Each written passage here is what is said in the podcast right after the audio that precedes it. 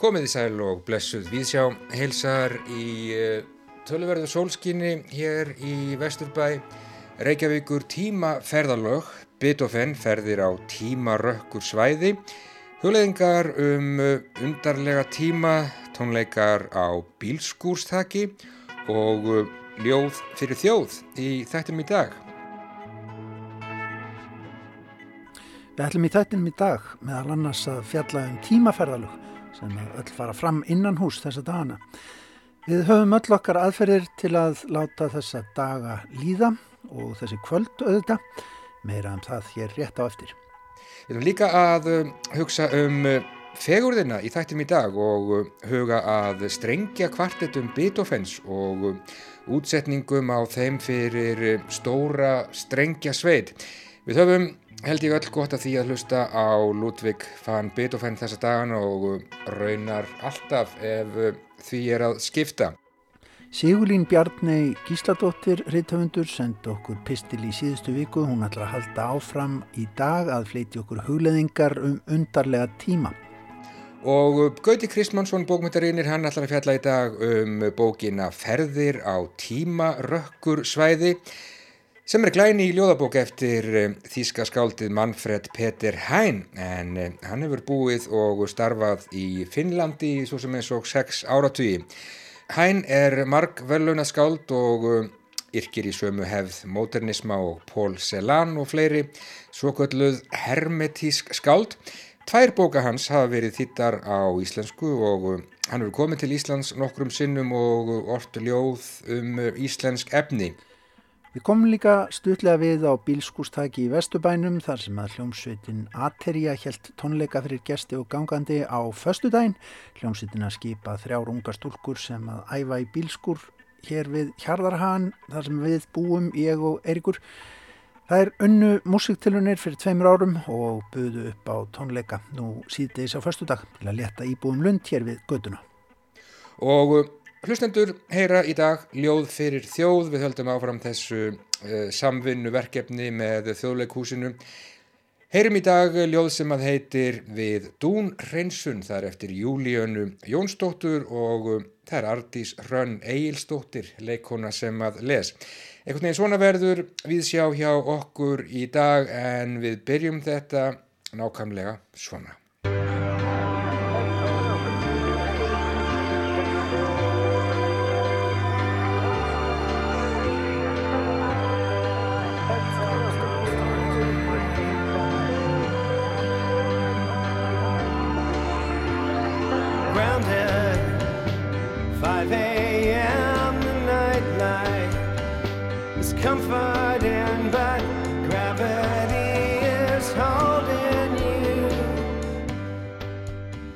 Áfram heldur þetta ágætu hlustendur dagarnir líða við hittum alltaf færri og færri.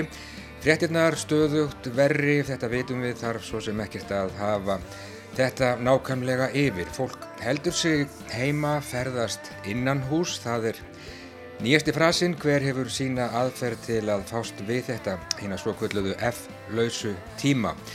Einn les eina sonnettu eftir William Shakespeare á hverju meinasta degi, annar hlustar bara á Mozart, á þriði horfir bara á kvikmyndir eftir Andrei Tarkovski.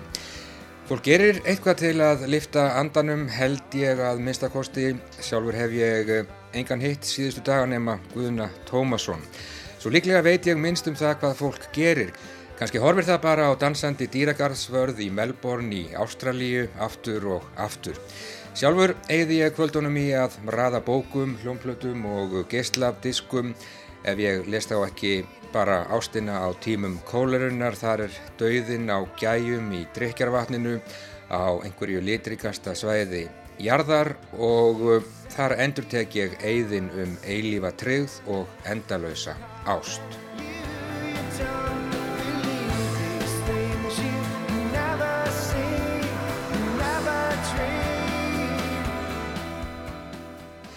Þau okkar sem að byggust við alveg glimjandi einveru, ég veit ekki alveg með það, hún er kannski þegar upp er staðið ekki alveg svo glimjandi. Ég raða í það minnsta bókum, hljómplutum og geisladiskum, endur raða og endur með og um, er skindilega stattur í ljóði eftir Braga Ólafsson í sjálfu sér er það ekki merkileg yðja sem ég er greipin við einn sunnudags morgun af heimafólki. Ég stend við bókaskápin í lesstofunni og er að ruggla sundur bókum sem staðið hafa saman svo árum skiptir og óteljandi síðdegi hafa farið í að raða. Trakl fær ekki lengur að standa við hlið rilke, nú mænir á mig renglulegur kjölur milli litlu fiskanna og fólksins míns eftir Gerald Dörrell. Ben Húr hefur tekið undir sig ennþá stæra stökk og það hefur greinilega tekið á hann því rauður og þrútin breyður hann úr sér milli Rapid Friends og The Joy of Sex. Og svo framvegis, allt er Ógreinilegt nú á getur hlustendur líkt og í móðu, allir litir í uppnámi, kannski heldur veröldin niður í sér amdanum. Hver einasta bók, hver einasta plata skýtur mér fram og tilbaka í tímanum, ég ferðast um afskekta tíma minnisins, það eru magdalenu kökur út um allt, ég er þá statur í verki eftir Marcel Proust. Plata með Pink Floyd reynist vera á raungum stað rétt á meðan ég færi hana er ég í huganum að byggja viðbygginguna við Hotel Sögu, framhaldssögu, sömarið 1986. Ég handfjalla plötu með Cure og það er nýbúið að rífa úr mér endajakslana haustið 1985, það var sárt. Ég endurraða Smiths plötunum og um, er þá skindilega farin að læra undir lífræðipróf í mentaskólanum við sund árið 1986. Næturljóð eftir Fredrik Chopin verða á vegi mínum og sveimir þá ef það er ekki árið 1990 og um, ég er þá ástfangin. Þannig ferðast ég fram og tilbaka um tíman ágætu hlustendur án þess þó að fara út úr húsi eða reyða fram svo sem eins og 5.000 krónur hvað þá meir. Ég líð eins og vofa upp og niður töfra stiga í óljósri hugarángist, tærum, innblæstri að þessu leiti er einveran alveg glimjandi þótt hún sé það kannski ekki að öðru leiti.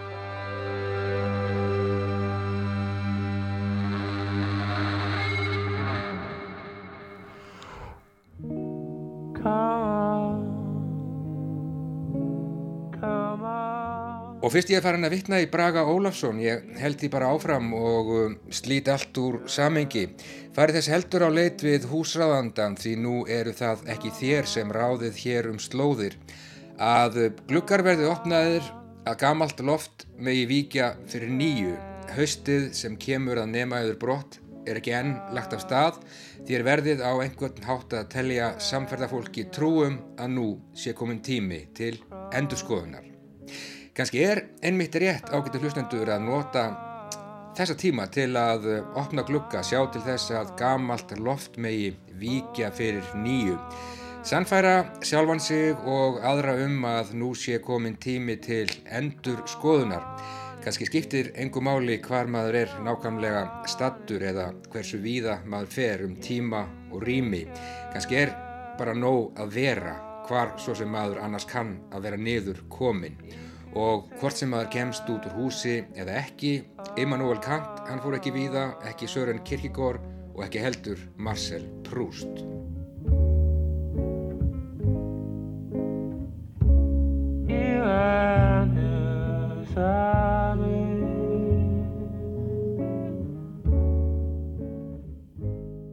Og þegar upp er staðið þá er ekki eins langt á millu okkar og við höldum. Við búum öll við sama sálna flóan á meðan einn les sonettu eftir Shakespeare hlustar annar á píjónukonsert eftir Mozart. Á meðan einn horfir á kvikmyndir eftir Tarkovski horfir annar á mann dansa í dýragarði í Ástralíu aftur og aftur. Hvað dagarnir geta orðið dimmir hver lítið þarf til að lýsa þá upp. Brægi aftur. Ég er stattur svo að segja í næsta húsi við þig. Þú veist að lokumunum við bæði deyja og það eina sem skilur okkur að er premtsmiðjan vestanmegin við húsið mitt, barnaleikvöllurinn, klapparstígurinn, miðbærin eins og hann leggur sig, ökuleiðin að Seltjarnarnesi og Allandshafið. Allandshafið með viðsjárverða ströyma sína og samviskubitið yfir að hafa gleift svo marga heilbreyða og unga menn eins og mig. Nú er ég ekki vissum að þessi hvaðja berist hér á því skeiði æfinar sem ég kísi en þegar hún berst þér inn um brefalúuna ég veit að hún á eftir að beiglast í mjóri rifunni skaltu leggja hana á eldhúsborðið og slétta úr henni eins og sjómaður sléttir úr seglinu eftir að hann velur sér ákverðnastað.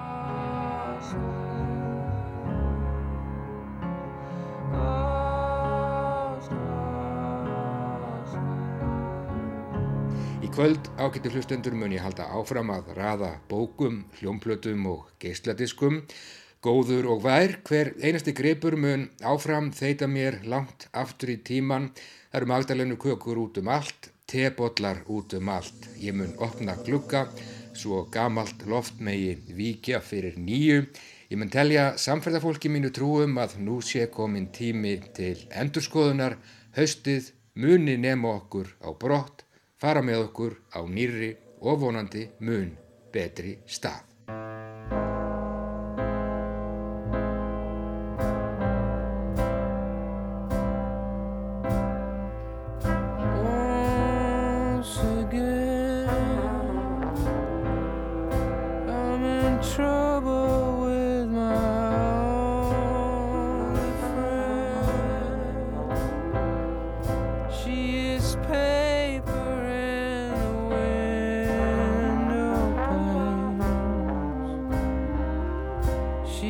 always put on a smile.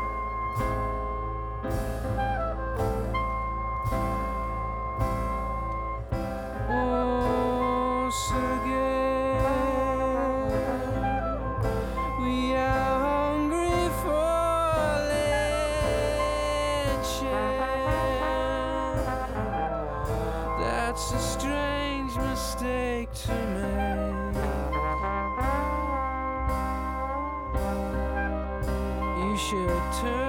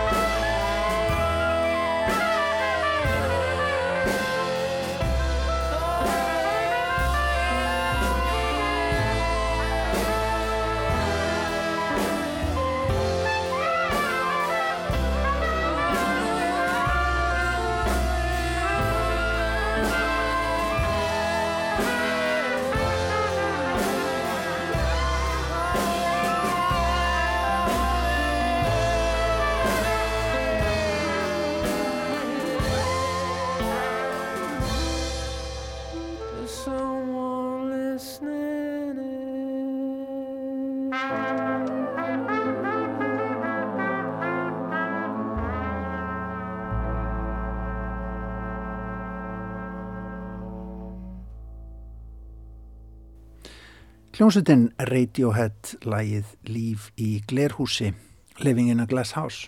En Gauti Krismansson, bókmyndarínir okkar hér í Víðsjá, hann er alltaf að lesa eitthvað forvitnilegt. Hann segir okkur núna frá Merkus Skáldi. Manfred Peter Hein er móturist skáld að þeirri kynnslóð sem kom upp undir lók sjötta áratugurins í Þýskalandi. Þeirra tímaritt var Aktsente sem var svo litið eins og byrtingur hér á landi tímaritt með markvisa fagufræði í anda mótenismans, þar sem ljóskáld gerðu tilraunir með form og tungumál. Hæn hóf ferilin á þeim slóðum og hefur að vissu marki haldið uppteknum hætti síðan, en þó með mörgum svegjum og beigjum. Hann byrjaði því að flytja til Finnlands með finskri konu sinni, lærið þær finsku og tók að þýðu því máli samhliða eigin yrkingum. Hann er líkast til mikilvægast í þýðandi finskra ljólistar af þýsku sem uppi hefur verið. Hann hefur eitthvað þýtt finskan prósa, þar frægast á þá bók sem hefur stöðu sjálfstæðast fólkstærilandi, Sjö bræður eftir Alexis Kivi. Eitt merkasta þýðingaframtak hans var þó kannski ljóðasafnið átt að kata Europas ein Fleck, eða blettur á Evrópakortinu. En þá voru þýðingar af þýsku á ljóðum fjálmarkara európskara framústefnuskálda frá árunum 1910 til 1930, norðan frá Finnlandi, söðu til Balkanskaga. Í þessu verkefni kallaði hæn til fjölmarka aðra þýðendur og fyrirlikur ótrúlega bók með þýðingum úr mörgum af minni tungum Evrópu. En hæn hefur alltaf til geð út sína einn ljóð samhliða þessu og eru ljóðabækunar einar orðan á þriðja tug. Þar með taldar nokkra sérstakla orta fyrir börn. Einni hefur hann gefið út prósa, fræðum finskar bókmyndir og sjálfsæfi sögulega texta. Það er merkusbókin Flúttfete eða Flóttaför sem kom út árið 1999 og segir frá uppvexti hans og flótta frá Östur Brúslandi þar sem hann ólst upp og bjóð til stríðsloka þegar hann þurfti að flýja á samt öðrum rúmlega 11 miljónum þjóðverða vestur. Þetta var eina fyrstu bókunum sem fjallaði um þetta tabu efni og var síðan bók Gunther Skrass krabbagangur til þess að umræðan opnaðist endanlega. Sérstaða Hæns fórst þó ekki aðeins í því að hann var meðal þeirra fyrstu sem tóku efnið fyrir heldur gegst hann við öllum þeim nazisma sem dyrkaðar var á heimili hans fyrir stríð. Sjálfur var hann sendur í elituskóla nazista, svo kallar Napólaskóla, sem átt að menta réttugsandi elitu. Hann var raun að búin að gera upp þessi mál í ljóðum hvað föðusins nerti, en ólíkt sömum öðrum varpað hann ljósi í flóttaförunni á hvernig margir þjóður að tóku Hitler opnum örmum á sínum tíma. Hæn hefur að yrkja meira en 60 ár og hann telst til þeirra torraði í þýskri ljóðlist eins og til dæms Pál Celan og reynum að búa til hefð fyrir þessi hermetísku skáld allt aftur til höldalín sjálfs.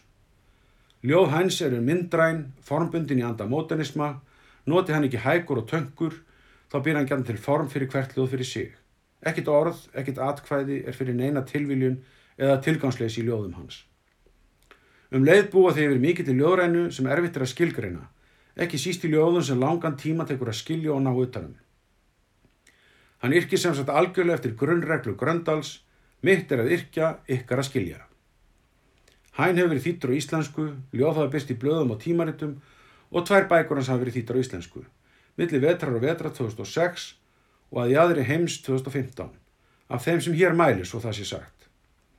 Hann hefur einnig komið nokkur sem til Íslands og orðn okkur ljóð sem eiga sér íslenska rættur. Tilefni þessara stuttu lýsingar á skáldinu er útkoma nýjustu ljóðabóka þess Fäten in Zeit Dema Areal. Hún lesi svo litið eins og svanasöngur en hann hefur svo sem áðri í það því og stundum sagt að þetta veri búið. En svo koma ljóðin áfram eins og ekkert hafi skorist. Þessi bók tæflaði nýraði skáldsins er samt dálítið mörguð af rökkur tilfinningum eins og strax má lesa í tillinum. Ferðir á tímarökkursvæði. Titillin sín líka eitt af enginum hæns sem skálds en það er tilneying hans og hæfileiki til að búa til ný orð með óvæntum samsetningum orða sem fyrir eru. Kanski hefur hann lært þetta finnunum sem hafa vist álítið svipuð viðhort til móðurmálsins og við Íslandingar, en staðrindin er svo að hann dregur fram eitthvað nýtt með þessu í hvert sinn. Lesandi þarf að staldra við, viðkomandi skilur alla orðhlutana, hefur bara aldrei séð á svona samansetta. Annað einnkynni á annars torraðri ljóðlist hæns er að hann fylgist með heimsmálum og tjáu sig um þau. Í örstutum ljóðum sem hitta kjarnamáls á margfalt nýðniðari hátt en mörg bladagreinin. Þannig orti hann um sprengju ára sér Taliban á bútastittunar miklu í Bamiyan, hann orti um Fukushima og í þessari bók er ljóðum Palmýru, Hann þólir ekki eðileggingu menningarminja í nafni einhverja alræði stefnu, enda löngu brent bann. Ljóð hæns eru þó kannski eftirminnilegust fyrir hennar myndrænu tjáningu sem getur verið frá henni minsta upp í það að vera kosmísk. Stundum í sama ljóðinu. Dæmi mörg ofangreindra enkjana má finna í ljóðinu Múndveksel eða Mánakvörf. Tilvittun hefst. Trjá topp á loftnett, sveimandi náttfyrildi, frétt af hafinu. Hingaði kvörfum mánans yfir vík, í klettaæðum opnaði ringur. Glemska í næturbláma, blærinn í laufum. Í gær hjekki við Tianjin höfn við Peking, skýð síklón B. Tilvittun líkur. Hér kemur margt saman í tólf línum. Myndlíkingin í upphaf er ljós og vísar ekki aðeins til loftnetta, heldur einnig trjátoppana í fræguljóðu Götes að en glækjes, þar sem við skinnjum nefnast vindin en samt aðeins. Við fáum fregnindar og fjarlæga landi þótt náttúran í umhverfnu sé nánast óbreytanleg. Náttfyririldin fljúa, klettarnir eru eins, þó sér skálduðu opinn hringiðim. Aftur er síðan vísa til Götes með blænum í löfum og síðan koma kvörfin og vísunin til raunverðlus atbyrðar, sprengingar í Tianjin höfn í samnefndri borg skamt frá Peking árið 2015. Eiturgasið í loftinu var ekki það sama og nota var í gasklefum nazista, en með því að nota nafnið á því eiturgasi undirstrykar skáldið tortímandi vá eituröfna framleyslunar í heiminum öllum. Þannig að ljóð sem hefst sem náttúri sínað kvöldi endar sem áminningum válega vekkferð mannkins nú á dögum. Þau eru fá skáldin sem getur tjáð þetta í svo fáum orðum og svo ljóðrænt, en það er einmitt það sem gefur hveðskap hægins gildi, að ná augnablikkinu í kosmískri vít. Það var Gauti Krismansson sem að senda okkur þennan pistil heima frá sér. En þá heimsreisa í tónum.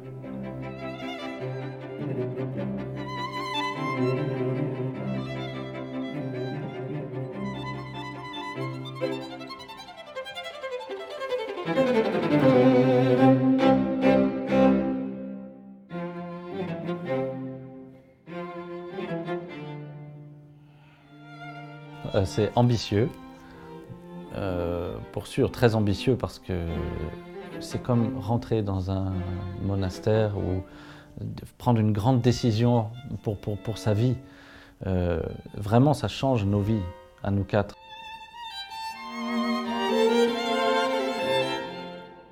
Við höfum minnst á það áður hér í Víðsjá og hefur þótt ástæða til að nefna það svo sem af og til og nokkrum sinnum. Ég vil hamrað inn hjá hlustendum okkar að í ár eru liðin 250 ár frá fæðingu tónskálsins Ludvíks van Beethoven.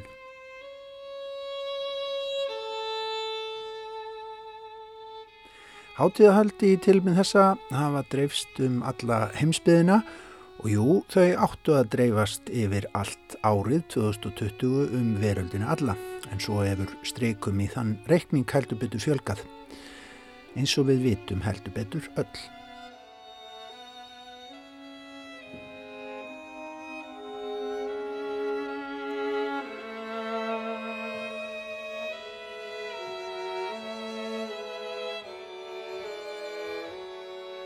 Afmælið sjálft er rétt fyrir jól, afmælistagurinn er 17. desember. Eitt metnaðafylsta verkefnið á Beethoven árinu 2020 sem, sem fyrir hófst í fyrra og er að stóru leiti yfir staðið nú er ferðalag franska Íbenholtz strengjakvartetsins Quatur Ebene um veröldina víða til að leika alla 16 strengjakvarteta Beethovens á tónleikum. Hugmyndin að ferðalaginu fættist hjá þessum frábæra kvarteti, einum þeim allra besta í heimin út til dags, þegar hún var bóðið að leika alla kvartetana í Carnegie Hall í New York á þessu ári. Bóðið kom upp strax árið 2014 og þá fættist hugmyndin um að fara sem víðast um heimsbyðina í ferðalæinu, ekki bara til bandaríkjana, um allar hinnar sex byggðu álfur veraldar en ferðalagi stóð frá því í april í fyrra og fram í janúar á þessu ári.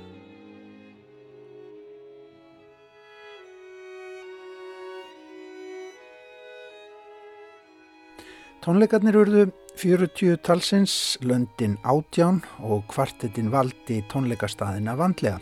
Þemað var að deila, deila tónlist þerti við landamæri og menningar gjár. Allt auðvita kólefnisjafnað þegar litið var til ferðalagana eins og lögir að ráð fyrir nú til dags. Fyrir mörgum eru strengjakvart þetta Beethovens og þá ekki hvað síst hinnir fimm síðustu þeirra og stóra fúkan svo kallaða sem er líka fyrir strengjakvartett álitnir vera meðal mestu mistaraverka tónskálsins. Þeir eru kallaðir einfallega síðustu kvartetarnir en í þeim tók tónskáldið í raun stökkið frá klassísku tónhugsunni og til framtíðar inn í romantíkina. Skömmu eftir döða Beethovens var sagan allt önnur, liti var framhjáð þessum verkum lengi vel, þau þóttu of torræð og kannski líka of erfið til fluttnings.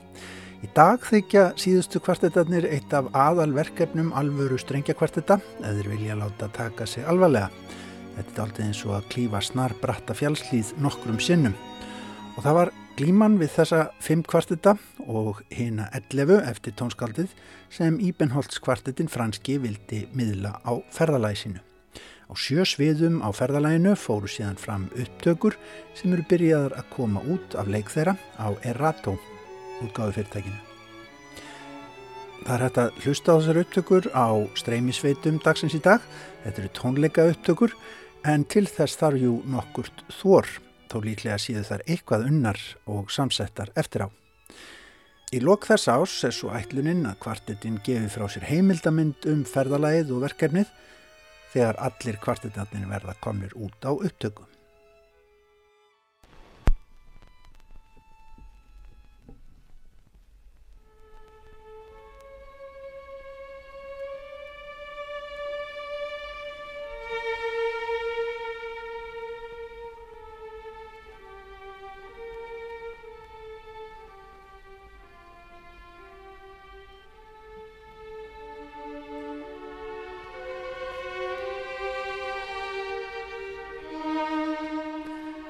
Þetta spennandi verkefni Íbenholtz kvartetsins vakti líka pælingar hjá þeim sem hér talar um útsetningar á síðustu strengjakvartetum Beethovens þar sem að þeir eru leiknir af stærri strengjasveit.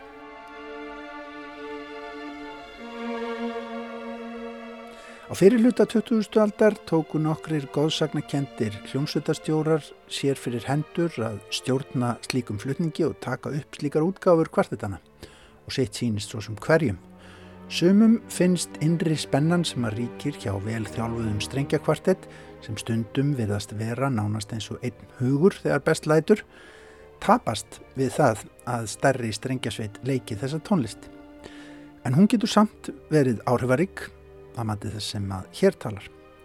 Sá hljómsundastjóri á 20. stöld sem náði líklega hver best að gera þessa tónlist í þessum búningi að sinni var bandarækjamaðurinn Leonard Bernstein sem að tók upp tónleikaflutning af sumum síðustu kvartetana með strengjaleikurum Vínarfílharmoníunar og það er nú ekkert smálið þar á bæ. Það er alltaf gaman að heyra Bernstein tala um tónlist. Ég ætla að lefa mér hér að sleppa því að þýða þessi orð hljómsveitastjórans úr sjónvarsviðtali þar sem hann talar um glímuna við tónlist Beethovens og um mennskuna í tónlistans hver hún nær til margra um heim allan. Ég ætla að leiða ykkur síðan í framhaldinu að heyra brot úr fyrsta kaplanum úr kvartett opus 131 með strengjuleikurum Vínarfílamóniunar undir stjórn Lennart Bernstein. Þetta er af snarkandi vínirplötu yfirfæslu sem að finna má á YouTube.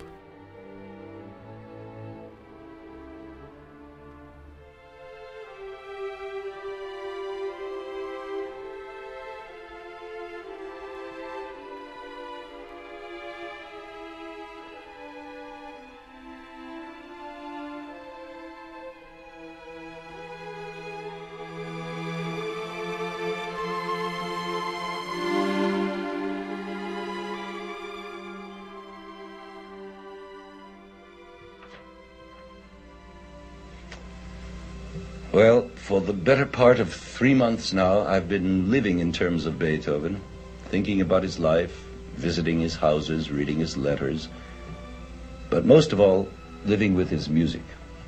I've studied it and restudied it, rehearsed and performed it over and over again, and I may report that I have never tired of it for a single moment.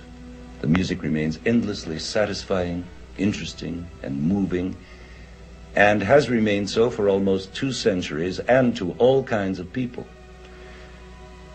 In other words, this music is not only infinitely durable, but perhaps the closest music has ever come to universality. That dubious cliche about music being the universal language almost comes true with Beethoven. No composer has ever lived who speaks so directly to so many people, to young and old, educated and ignorant, amateur and professional, sophisticated, naive, and to all these people of all classes, nationalities, and racial backgrounds, this music speaks a universality of thought, of human brotherhood, freedom, and love.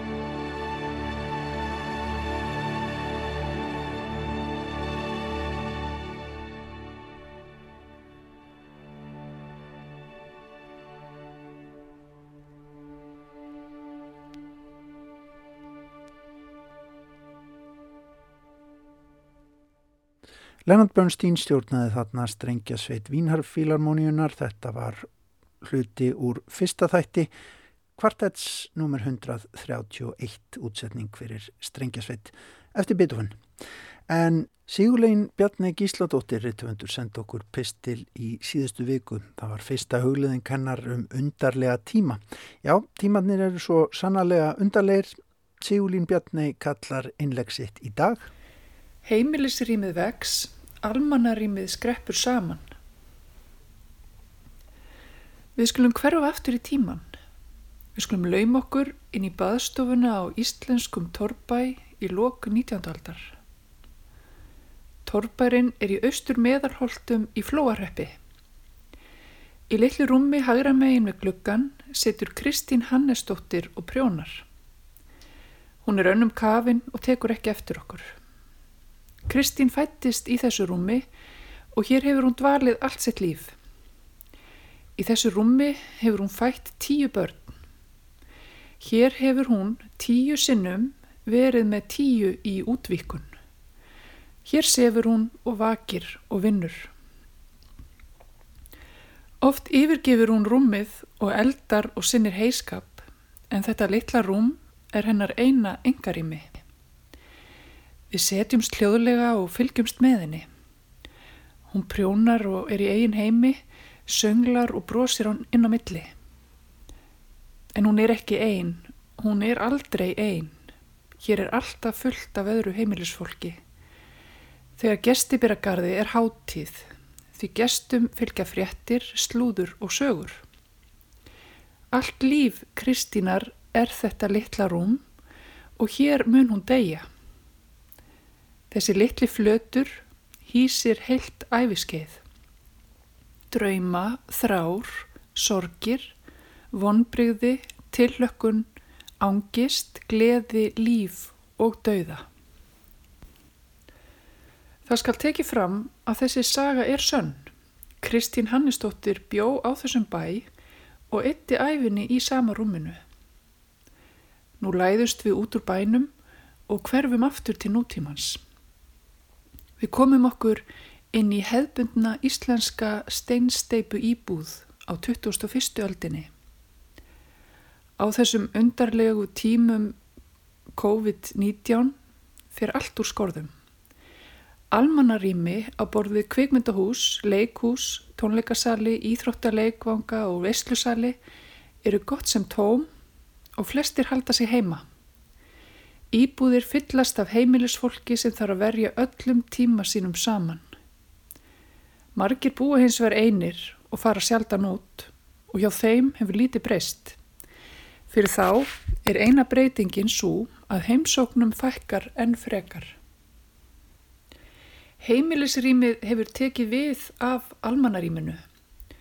Nú förum við ekki lengur á milli staða, vinnum á einum stað, borðum hátegismat á öðrum, skreppum á bókasafnið og förum í ræktinu og sund og jafnvel í bíóhús eða leikhús um kvöldið. Nú að vekkir heimilisins að sinna öllum þessum rýmum. Við vinnum, borðum, glápum, lesum og höngum á nokkrum fermetrum. Sumir stunda æfingar eða streyma tónleikum úr stofunni. Bækurnar í hillunni verða döga sem bókasapn. Baðkarið verður að koma í staðinn fyrir heitapottin. Við könnumstu hugtök eins og útópía og dystopía. Í útópíu er heimurinn fullkominn. Útópían er staðleisa, fyrirmyndarland, draumarland sem hverkið til. Dystopían aftur á móti er andstæðan við útopíu. Dystopían er ímyndaðu staður þar sem allt er einn slæmt og það getur verið. Dystopían hefur til fjölda ára verið vinsælt viðfangsefni í bókmyndum, leiklist og kvikmyndum með tilheyrandi hrolli. Margir hafa líkt þessum tímum COVID-19 faraldusins sem dystopískum tímum og dreyið fram bækur og kvikmyndir sem fjalla um pláur og farsóttir. Franski heimsbyggingurinn Michel Foucault kom fram með hugtakið heterotópia sem verður til úr tveimur grískum orðum heter þýðir annar og tópoes er staður.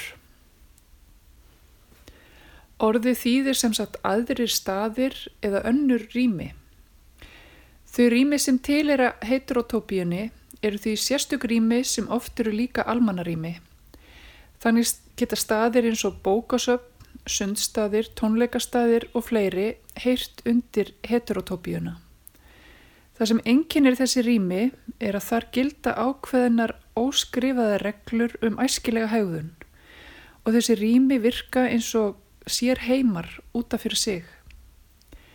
Heterotópían getur verið rými fyrir útvalda eða rými sem vissir hópar eru þvingaðir til að dvelja í. Þannig heyra bæði engaskólar og fangelsi undir hugtakið. Einn tegund heterotópíunar er krísu heterotópían en sótt hví nútímans passar vel innan þess.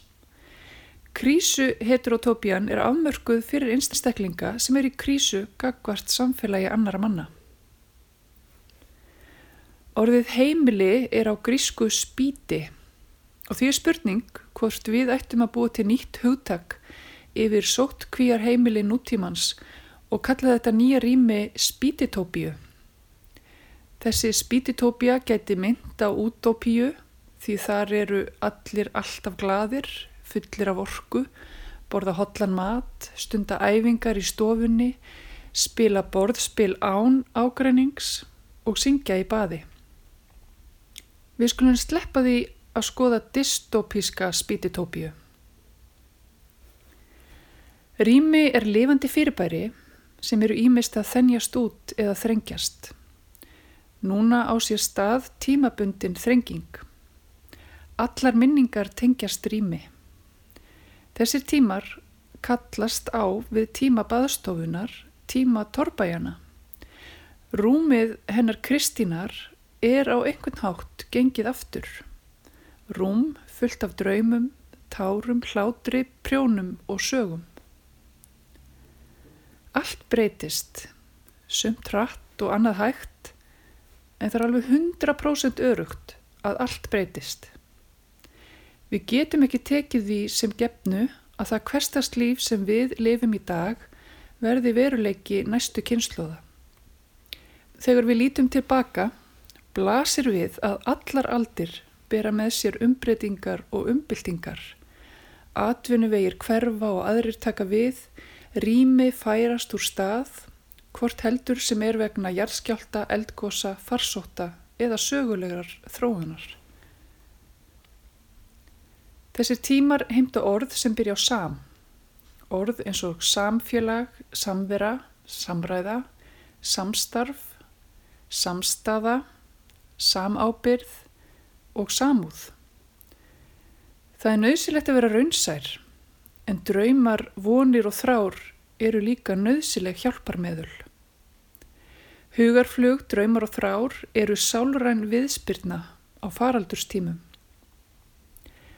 Þá er þetta að kyrja setningar eins og þessar.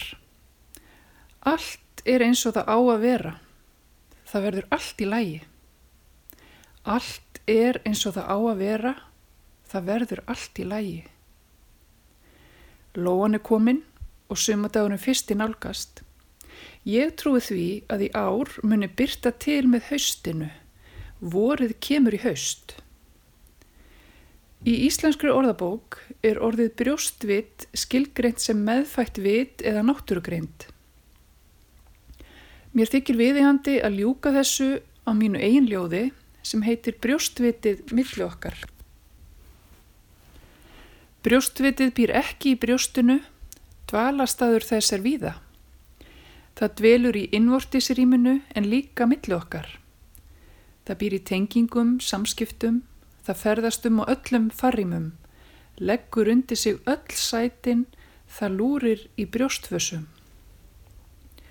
Brjóstvitið býr í þeim sem hafa tvö brjóst, þrjú, eitt og engin. Girvertur koma málinu ekki við.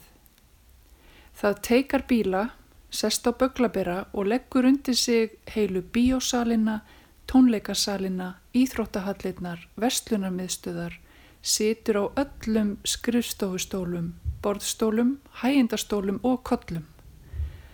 Það hangir í þakskekkjum, kirkjugörðum, á róluvöllum.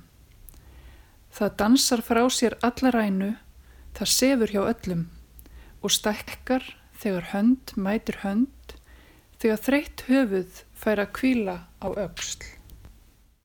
Saði Sigurlín Bjarni Gísladóttir. En Eirikur Guðmusson, hann klungraðist upp á bílskústak fyrir helgina, þó loftrættur sé. Hvað gerir maður hér í eh, Vesturbæ Reykjavíkur? Hvað gerir maður við Hjarðarhagan? Jú, maður bara einfallega gengur á hljóðið. Já, leiðin eh, liggur upp á eh, bílskúr við Hjarðarhagan. Föstu daginn 20. mars árið 2000 20. Það eru tónleikar og fólk hefur samnast saman hérna út á, út á götu. Við skulum klifra upp á þakk. Aterja, hvað er það að gera upp á, á bílskúrþakki? Við erum að spila fyrir gangandi vöggfærindur og nágrann okkar sem að komast kannski ekki út mm -hmm. vegna þess að þeir eru sott kví eða, eða eitthvað hannig, samkvæmum bann náttúrulega. Þeir eru að leggja ykkar að, að, að mörgum? Já, svona reyna það. Já. Reyna að búa til einhverju stemmingu. Fyrir samfélagið? Já. Uh, þið æfið hérna bara í bílskórnum fyrir fyrir neðan, hérna við Hjarðarhagan? Já, við gerum það. Við heyrðum þetta mjög ykkur? Já. það er mjög gaman. Já. Þið, það er nú svolítið langt síðan ég talaði við ykkur síðast, þá voru þið kannski nýbúin að, búin að vinna músiktilraunir, er það ekki? Jú, mikið rétt. Hvað er langt síðan? Tvö ár. Já, um það vil. Já, tvö ár. Hvað er gerð síðan? margt og mikið. Við erum alltaf búin að spila fullt, semja slatta, við fórum eitthvað í stúdjó, flutum til spánar. Og þið haldi bara ótröður áfram, ég heyri uh, oft og mjög vel í ykkur. Já, við erum að æfa alltaf vel, við finnst það líka bara alltaf gaman að æfa. Og gaman að spila upp á húsþæki bara eins og býtlandi fórðum? Já, já, með þeir voru þess líka. Aha, já, þetta er bóða gott útsýni, sko. Já, mjög gott. Herru, þið er í miðum klíðum, ég ætla ekki að tröfla ykkur uh, mikið lengur, ég er líka rosalega loftrættur, þannig ég ætla að fara niður en þið haldið áhrum að spila. Takk fyrir spjallið og takk fyrir tónlingarna. Takk.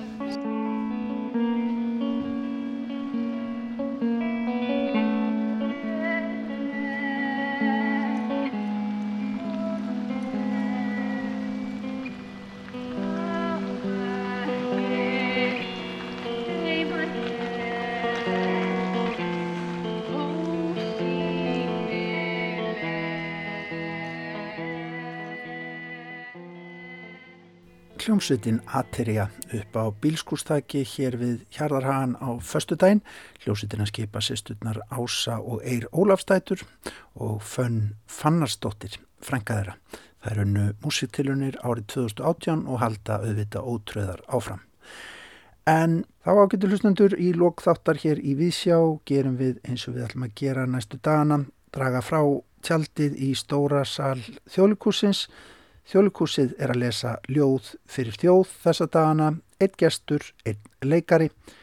Við drögum tjaldið frá.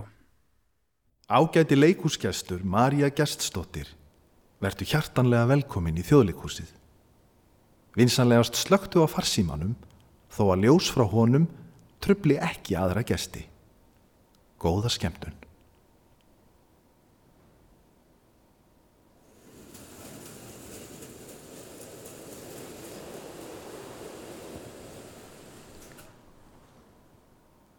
Við dún hreinsun eftir Júlíönu Jónsdóttur. Dimt er í dýflissu dúns og svælu.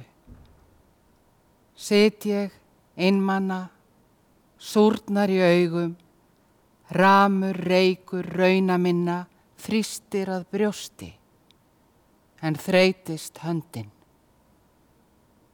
Undir raula, rámir, strengir, harmatölur, hljóðlaus muna. Finn ég nú glögt að fáir eru mínir. Horfin er mér heill en harmur vakin.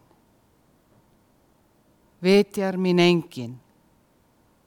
Voga ég ei þángað sem ég áður atkvarf hugði.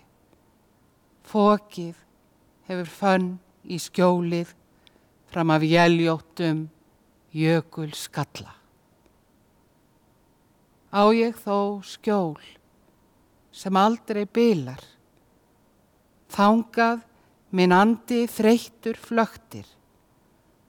Lát þú mig ekki, ljúfi drottin, missa það hæli, meðan ég lifi.